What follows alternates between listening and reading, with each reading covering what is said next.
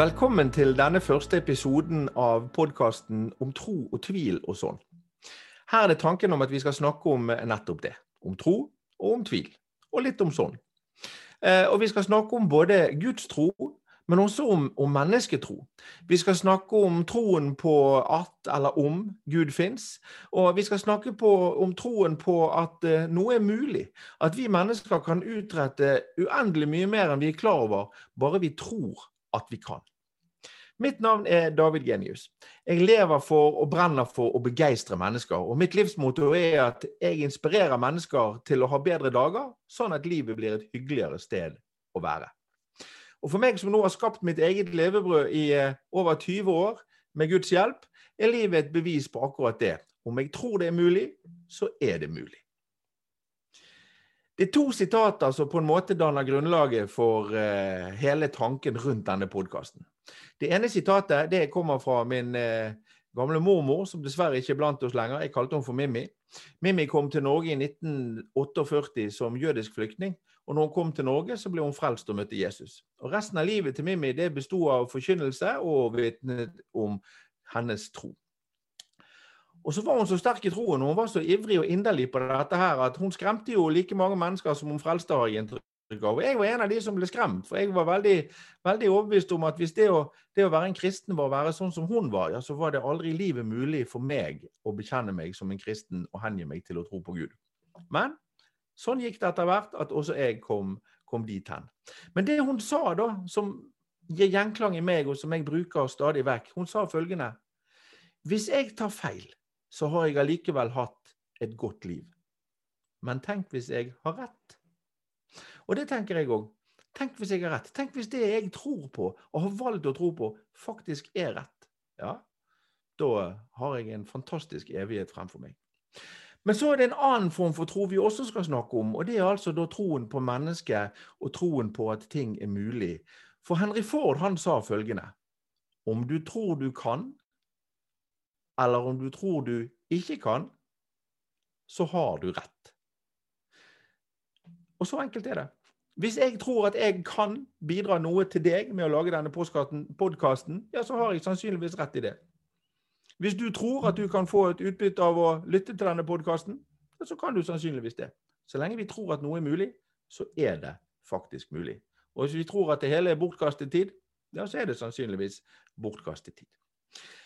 Veien i denne podkasten kommer til å bli til mens vi går, men forhåpentligvis så skal vi få til å lage ukentlige episoder. Vi skal alltid ha en gjest, og vi skal alltid ha et eh, bibelsitat. Og vi skal eh, etter hvert kanskje også ha Q&A, som det heter. Spørsmål og svar. Og eh, Når jeg sier vi skal ha bibelsitat, så er det sånn at jeg er veldig glad i Salomos ordspråk. Jeg leser faktisk ett kapittel i Salomos ordspråk hver eneste dag. Og det passer veldig fint, for der er 31 kapitler, så det er ett hver dag i måneden. Og når det kommer en ny måned, ja, så begynner jeg på nytt igjen. Og det er uendelig mye visdom å hente i Salomos ordspråk. Og I dag så skal vi begynne på begynnelsen. Vi skal lese Salomos ordspråk eh, kapittel 1, vers 1-9. For her står det Ordspråk fra Salomo, sønn av David og konge i Israel. Til å gi kunnskap om visdom og formaning. Til å forstå forstandige ord. Til å ta imot formaning som gir innsikt om ærlighet, rettferd og rett. Til å gi uvitende vett. Og den unge kunnskap og omtanke. Den vise skal lytte og øke sin lærdom. Den kloke lære å bruke sin tanke, så han forstår ordspråk og billedtale, vismenns ord og gåter. Å frykte Herren er begynnelsen til kunnskap. De dumme forakter formaning og visdom. Lytt, min sønn, til din fars formaning. Forkast ikke rettledningen fra din mor, for det er en vakker krans om hodet, et kjede som pryder halsen din. Og dette er altså tidløs visdom som eh, tiltaler hvem som helst, enten du tror på Gud eller ei. Det er faktisk eh, skrevet for ca. 3000 år siden, men det som står i Salomos ordspråk, den visdommen som er, det gjelder fremdeles. For det viser seg nemlig at eh, mennesker sliter med akkurat de samme tingene i dag som vi sleit med for 3000 år siden. Det handler om fokus, det handler om tid, det handler om ærlighet, troskap, arbeidsomhet og om integritet. Det er altså 31 kapitler, ett for hver dag. Å lytte til Herren og søke visdom og høre på sine foreldre, Dette er jo grunnlaget for at ethvert menneske skal komme seg videre og lykkes i livet. Det å hente inputs herfra fra Salomos ordspråk til hverdagen, det kan hjelpe oss alle.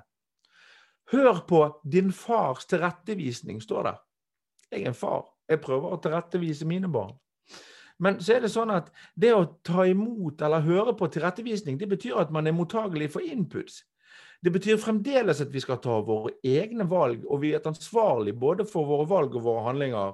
Men inputs gjør at vi kanskje får flere aspekter, flere vinklinger. Det er nemlig sånn at Gud har utstyrt alle mennesker med fri vilje. Og han oppfordrer oss mennesker gjennom hele Bibelen til å strebe etter å ta de rette valgene. Både for oss sjøl, for våre medmennesker og også for Gud. Nå har vi kommet så langt at uh, vi skal snakke med dagens gjest. Vi skal ringe opp en uh, kar som heter Jarle Veland. Han er pensjonert, men fremdeles en aktiv prest som har gjort uh, inntrykk på meg i mange sammenhenger. Så nå ser vi frem til en god prat med Jarle.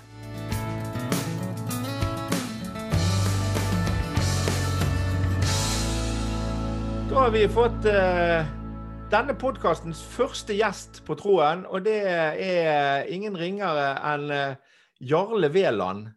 Tidligere sogneprest i Fyllingsdalen kirke, og nå pensjonert, men fremdeles aktiv. Jeg støter på deg både hist og her, eh, Jarle. Eh, fortell litt om bakgrunnen din. Født i Stavanger, oppvokst i Bergen. Eh, har drevet med masse forskjellige ting. Ikke alltid kjent mine egne begrensninger, egentlig. I hvert fall ikke ville kjenne de. Så en prest er identiteten min. Eh, jeg har vært prest i Sunnfjord, jeg har vært i Chicago. Ja. Gangsterprest, kanskje? Nei da. Ja, og så har jeg vært Birkeland og så på Fyllingsdal. Hvordan, hva som gjør at en ung mann da velger å bli prest når den, tid, den, den gangen du tok det valget? Hva, gjorde, hva var det som gjorde det? Jeg kom med i ungdomsarbeidet i Stortveit menighet. Kjempeflott og med fantastisk mye gode venner. Det ga en inspirasjon. Eh, så begynte jeg faktisk på annen utdannelse. Jeg begynte på Sjøkrigsskolen og gikk der noen måneder. Før jeg da fant ut det at eh, det var teologi. Det var vel Sigurd Osberg faktisk som utfordret meg på et russekryss. Skal ikke du bli prest? Ja, forlot ikke den tanken meg helt, og så ble det noe sånn, egentlig. Ble det sånn det ble, ja? Ja, ja da. Denne podkasten har altså ordet 'tvil' i tittelen. Om tro og tvil og sånn. Og jeg, eh, som jeg har sagt til deg før, jeg hørte en gang en tale du holdt der du traff meg veldig med den setningen at å tvile er også en del av å tro. Og, og, det er du ikke klar over, men det var faktisk den talen og den setningen som virkelig gjorde at jeg på en måte ble puffet over kanten når det gjaldt å være mer tydelig i min egen tro. Kan du utdype og si noe, Jarle, om, eh, til de som hører på nå? Fortell oss om dette med tvil. For jeg tror det er veldig mange som, som nettopp lytter så mye til sin egen tvil at de ikke tør å gi seg hen. Så Vi skulle vel egentlig alle ønske at vi hadde en veldig sterk og klar tro men, men, slik er ikke den kristne troen. Den, eh, den, eh, har et element av tvil i seg, og det skal den ha. Fordi at det er vernet mot, mot fanatisme. Altså Har man alt helt på stell og helt klart, og, og det er ingen tvil i, i, noe som helst, så er det lett til å bikke over. Da har jeg alle svarene. Da kan jeg på en måte da har jeg en stor sannhet å fortelle til andre også. Og, og, og, og så kan jeg kanskje miste litt styringen i, i det å være ydmyk i, i, i, møte med andre mennesker. Fordi at altså, tvilen er der. For Det, det syns jeg er så spennende. Når, altså jeg, jeg, har jo, En av de tingene som har gjort det vanskelig for meg, er jo når, når sognepresten går på talerstolen og står der omtrent med en slegge i hånden og sier du arme synder, du skal bare være glad til at du i det hele tatt får lov å være på denne jorden, nesten. Sånn føler man liksom i andre enden. Sånn. Og så plutselig så kommer det en prest og sier det at å ja, tviler du ja? Ja, men vet du hva, det gjør jeg også av og til, og det, og det er lov. Og det var enormt befriende, liksom. i ja. ja da, og det, det, er jo ikke meg som har funnet på det egentlig sånn sett. Det har jeg hørt fra andre og prestekollegaer også, egentlig, som har turt å være åpne om dette her. Og det er klart vi skal være det. Fordi som sagt, det er en integrert del av den kristne tro. Det er vårt vern mot fanatismen, egentlig. Og Det er betingelsene. Men så får vi jo håpe at vi har altså, Det er jo snakk om denne såkalte forklaringen på fjellet. Sant? altså Disiplene av Jesus. Jesus blir på en måte forvandlet, og, og, og de, de, har et klart troens øyeblikk. Mm. Det får de før de går inn i, i, i påsken og dramaet der. Altså, Jeg tenker noen ganger at de får med seg en, en nødvendig ballast når tvilen og, og, og, og, fortvilelsen eh, ved Jesu død griper tak i dem. Så har de det lille å holde til med. Og Sånne øyeblikk tror jeg, og håper jeg egentlig at vi har alle sammen, også i, i livene våre. At det er noen sånne forklarelsens øyeblikk. Nå har vi sett. Nå har vi vært på en måte på fjellet vi òg, og sett Jesus som han virkelig er. Og Da har vi et fundament Og det er bibelhistoriene, men det er også ting som vi har opplevd i, i vårt eget liv, som, som, som, har gitt oss et sånt fundament. Eh, skal jeg nevne en ting kanskje der, egentlig, som har ja. vært et sånt øyeblikk for meg? Mm. Så er det jo den historien omkring uh, dette som jeg startet sorggrupper for etterlatte ved selvmord i sin tid. Uh, mens jeg var prest uh, på Nestøen, så var det en del selvmord. Vi var to prester som delte på oppgavene og hadde ansvar for tjeneste annenhver uke. Disse falt på mine uker. Mm. Eh, og jeg fulgte, noen, fulgte, opp noen av disse herre i samtaler og, og var med de egentlig. Men de hadde jo en fortvilet situasjon, så veldig mange av de. Noen hadde små barn også. Eh, de lærte meg en del om hva dette gikk i. Så skjedde det en stund seinere, når jeg hadde vært i denne prosessen en tid, at det var en sykepleier på Haukeland. Jeg har ikke møtt henne ennå. Hun ringte meg ikke bare én gang, men flere ganger og sa det jeg har fått det for meg at du skal starte disse sorggruppene for etterlatte ved selvmord. Og jeg vegret meg. Det er klart, Hva kan jeg om dette? her? Hva kvalifikasjoner har jeg? Og alt mulig. Ja Hun ga seg ikke. Mm ringte gang på gang. Så tenkte jo, kanskje. Jeg har gått i en skole hos disse her som har opplevd dette, som vet hva det går i. Jeg ble utfordret av livssituasjonen deres. Og så hadde jeg med meg også noe fra USA med, med kriseberedskap, og, og, dette går inn i menneskers kriser. Jeg, jeg har faktisk utdannelse ved et av de eh, store og beste eh, si, sykehusene i ja. USA et av de hundre meste. Så jeg tenkte at OK, jeg, jeg, eh, jeg, får prøve dette her. Jeg får gå i gang. Og så samlet jeg med meg egentlig noen av de absolutt flinkeste folkene som jeg kunne tenke meg. Og så eh, ble det jo til noe. Jeg tenker på en måte at der har jeg sett noe av hva skal vi si, altså Guds finger inni, inni, inni livet mitt. Det er grepet inn. Ja, og det er et øyeblikk. Du trodde på at det var mulig, og du trodde det var en god idé, og så fikk du hjelp til å gjennomføre det? sant? Det gjorde jeg. det gjorde Jeg Jeg fikk utfordringen temmelig klart og kraftig. Og jeg hadde gått i skole før hos de som hadde opplevd det. Og så ja. Så tok jeg en sjanse, egentlig. altså. Jeg tenkte at OK, hvis ingen andre gjør det, så får jeg gjøre det. Mm. Men du, du, sa noe i begynnelsen også om, om overdreven, tro på, overdreven tro på egne ferdigheter. Eh, du har jo drevet med så mye mer enn å være prest. Og igjen så er jo et eksempel på at du tror at ting er mulig. Du har jo en oppfinnelse som eh, har gjort eh, stor internasjonal suksess, men som eh, i Norge der skjer det ingenting med det. Men det er også noe du har trodd på, så det er jo en, en annen form for tro. Fortell litt om dette, Jarle, for dette også handler jo om å ta vare på mennesker. Ja, altså det er jo det det går i. Altså, jeg har et sånt helhetssyn egentlig på, på mennesker, altså, eh, og på prestetjenesten. Som prest har ikke jeg bare ansvar for å fortelle om tro og tvil og forkynne, men jeg har et helhetsansvar for menneskene også. Mm. Og dette er inspirert av uh, den uh, utdanningsenheten der i, i, i, utenfor Chicago. Når du kommer inn i den bygningen, i det store sykehuset, så ser en to hender og en menneskefigur i midten av disse.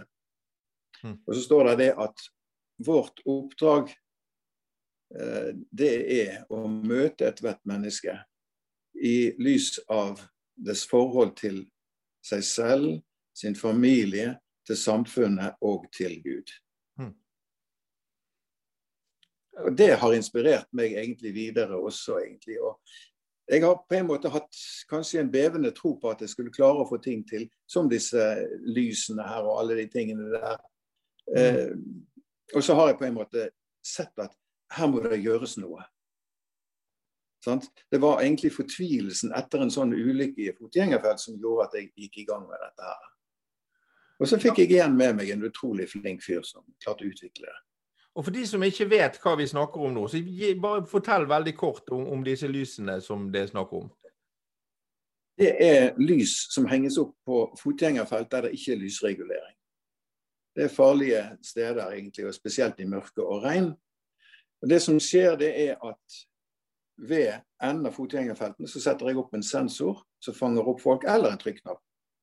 Og så sitter det blinkende lys på toppen av disse eh, fotgjengerskiltene, som blinker da når noen faktisk går over veien.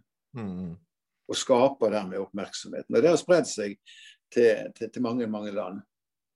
Jeg fikk litt bakoversveis. Jeg var, besøkte min datter i Providence i nærheten av Boston. Og så går jeg liksom oppover og ser meg litt om i det området, og plutselig ser jeg lysene. Jeg måtte bare sette meg ned. det er jo fantastisk. Ja da, det er litt fantastisk. Jeg har sett det mange steder.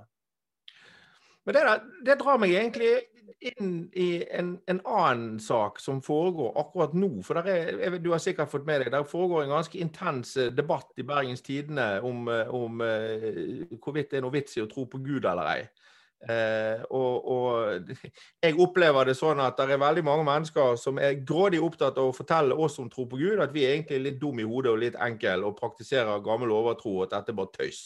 For vitenskapen har bestemt at, eh, at, sånn er det. Og så tenker jeg at den historien som du forteller nå, den er jo egentlig et, et bevis på at, sånn som jeg ser det, at Gud har gitt deg en tanke og en idé. Og du har gjennomført det, og du har skapt noe på jorden. sant? Ja. Gud jobber gjennom menneskene. sant? Det er akkurat det han gjør, egentlig. Og, og, så er vi så heldige noen ganger at han leder oss inn i situasjoner der vi får bruke noen av disse, disse evnene våre. Men når det gjelder den, altså, den debatten der, eh, så syns jeg det var nokså tynt, egentlig, det, det innlegget som jeg så fra denne, denne religionslæreren. egentlig. Mm. Altså, Sånn vitenskap den bygger på ydmykhet. At vi ikke har alle svarene. Og at vi søker hele tiden etter nye svar og setter hele tiden spørsmålstegn ved det vi har funnet ut, og det vi finner ut. Tro og tvil, sant? Ja. Akkurat det samme, egentlig. Det er akkurat det samme, egentlig. altså. Og, og, altså dermed så ble det på en måte helt på siden av dette her, sant? for det var så skråsikkert. Det var så mm. klart og liksom Ja jeg pleier å si det når, jeg havner i, i, i diskusjon og samtaler med folk som, som, gjerne blir litt overrasket over at jeg har blitt en kristen, og at jeg blir tydelig på det, og liksom stiller spørsmålstegn ved, ved hvordan eh, jeg har kommet frem til det, og forteller meg at det kan jo ikke være mulig, at du er jo litt dust. Liksom. Så ser jeg på dem og så sier jeg, ja, så da, du tror ikke på Gud, du da? Nei, det gjør de overhodet ikke. Nei vel, sier jeg, men da tror jo du akkurat like sterk som jeg gjør. Det er det ingen som vet. Det er, det er helt riktig. Det er helt riktig. Og da er vi der. Tenk hvis jeg har rett. sant? Er... Ja da. Jeg har sansen for den, egentlig. Altså, Tenk hvis jeg har rett. Og I hvert fall så har vi ikke kastet bort livet vårt sånn sett. da, Men uh, sant. Uh, en felles venn Jeg tenker òg i denne, i denne jeg, tiden her med, med, så masse egoisme, så, så, så, så, trenger vi på en måte den kristne troen. altså. Mm. Den må være sann, det er greit, men vi trenger den som en etisk impuls det er altfor mange som på en måte Det er bare meg og hva jeg kan få tjene, hva jeg kan grave til meg. Det er ikke så nøye om jeg trakker på andre. Eh, det, det er jo eh, den inspirasjonen for Jesus egentlig til å være der for andre. Å være et medmenneske. Altså, jeg tenker på mange måter at målet for vår kristne tro som mennesker, det er at vi skal være medmennesker. Mm.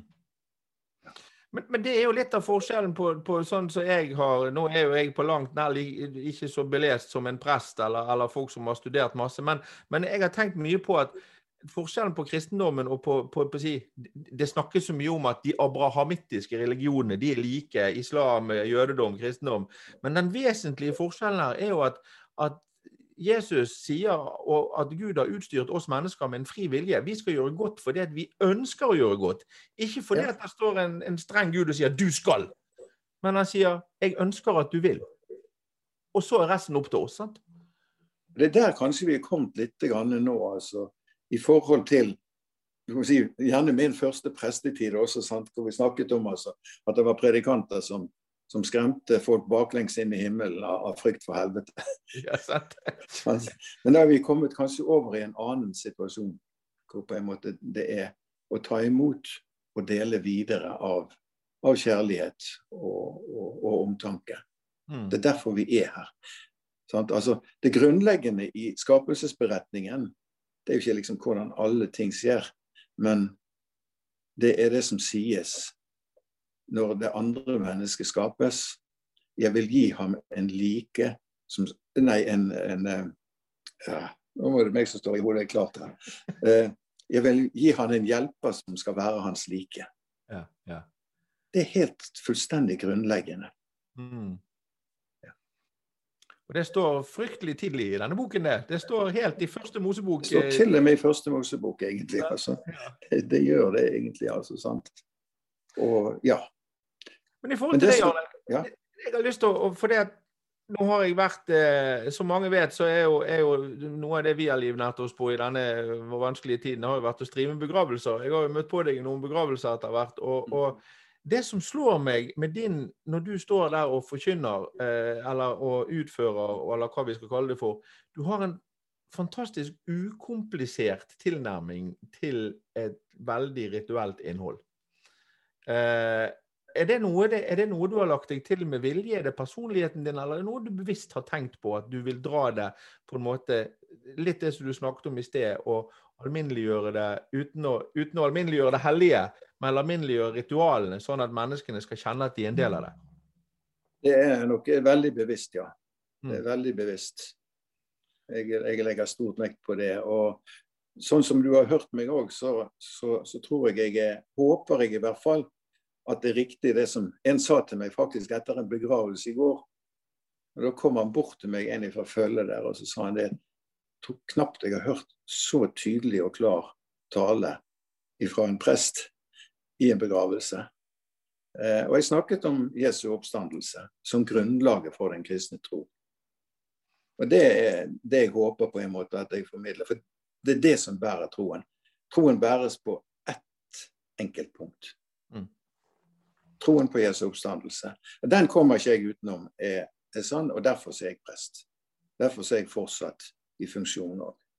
Og derfor har jeg fortsatt en tvilende, men allikevel en tro med et fundament.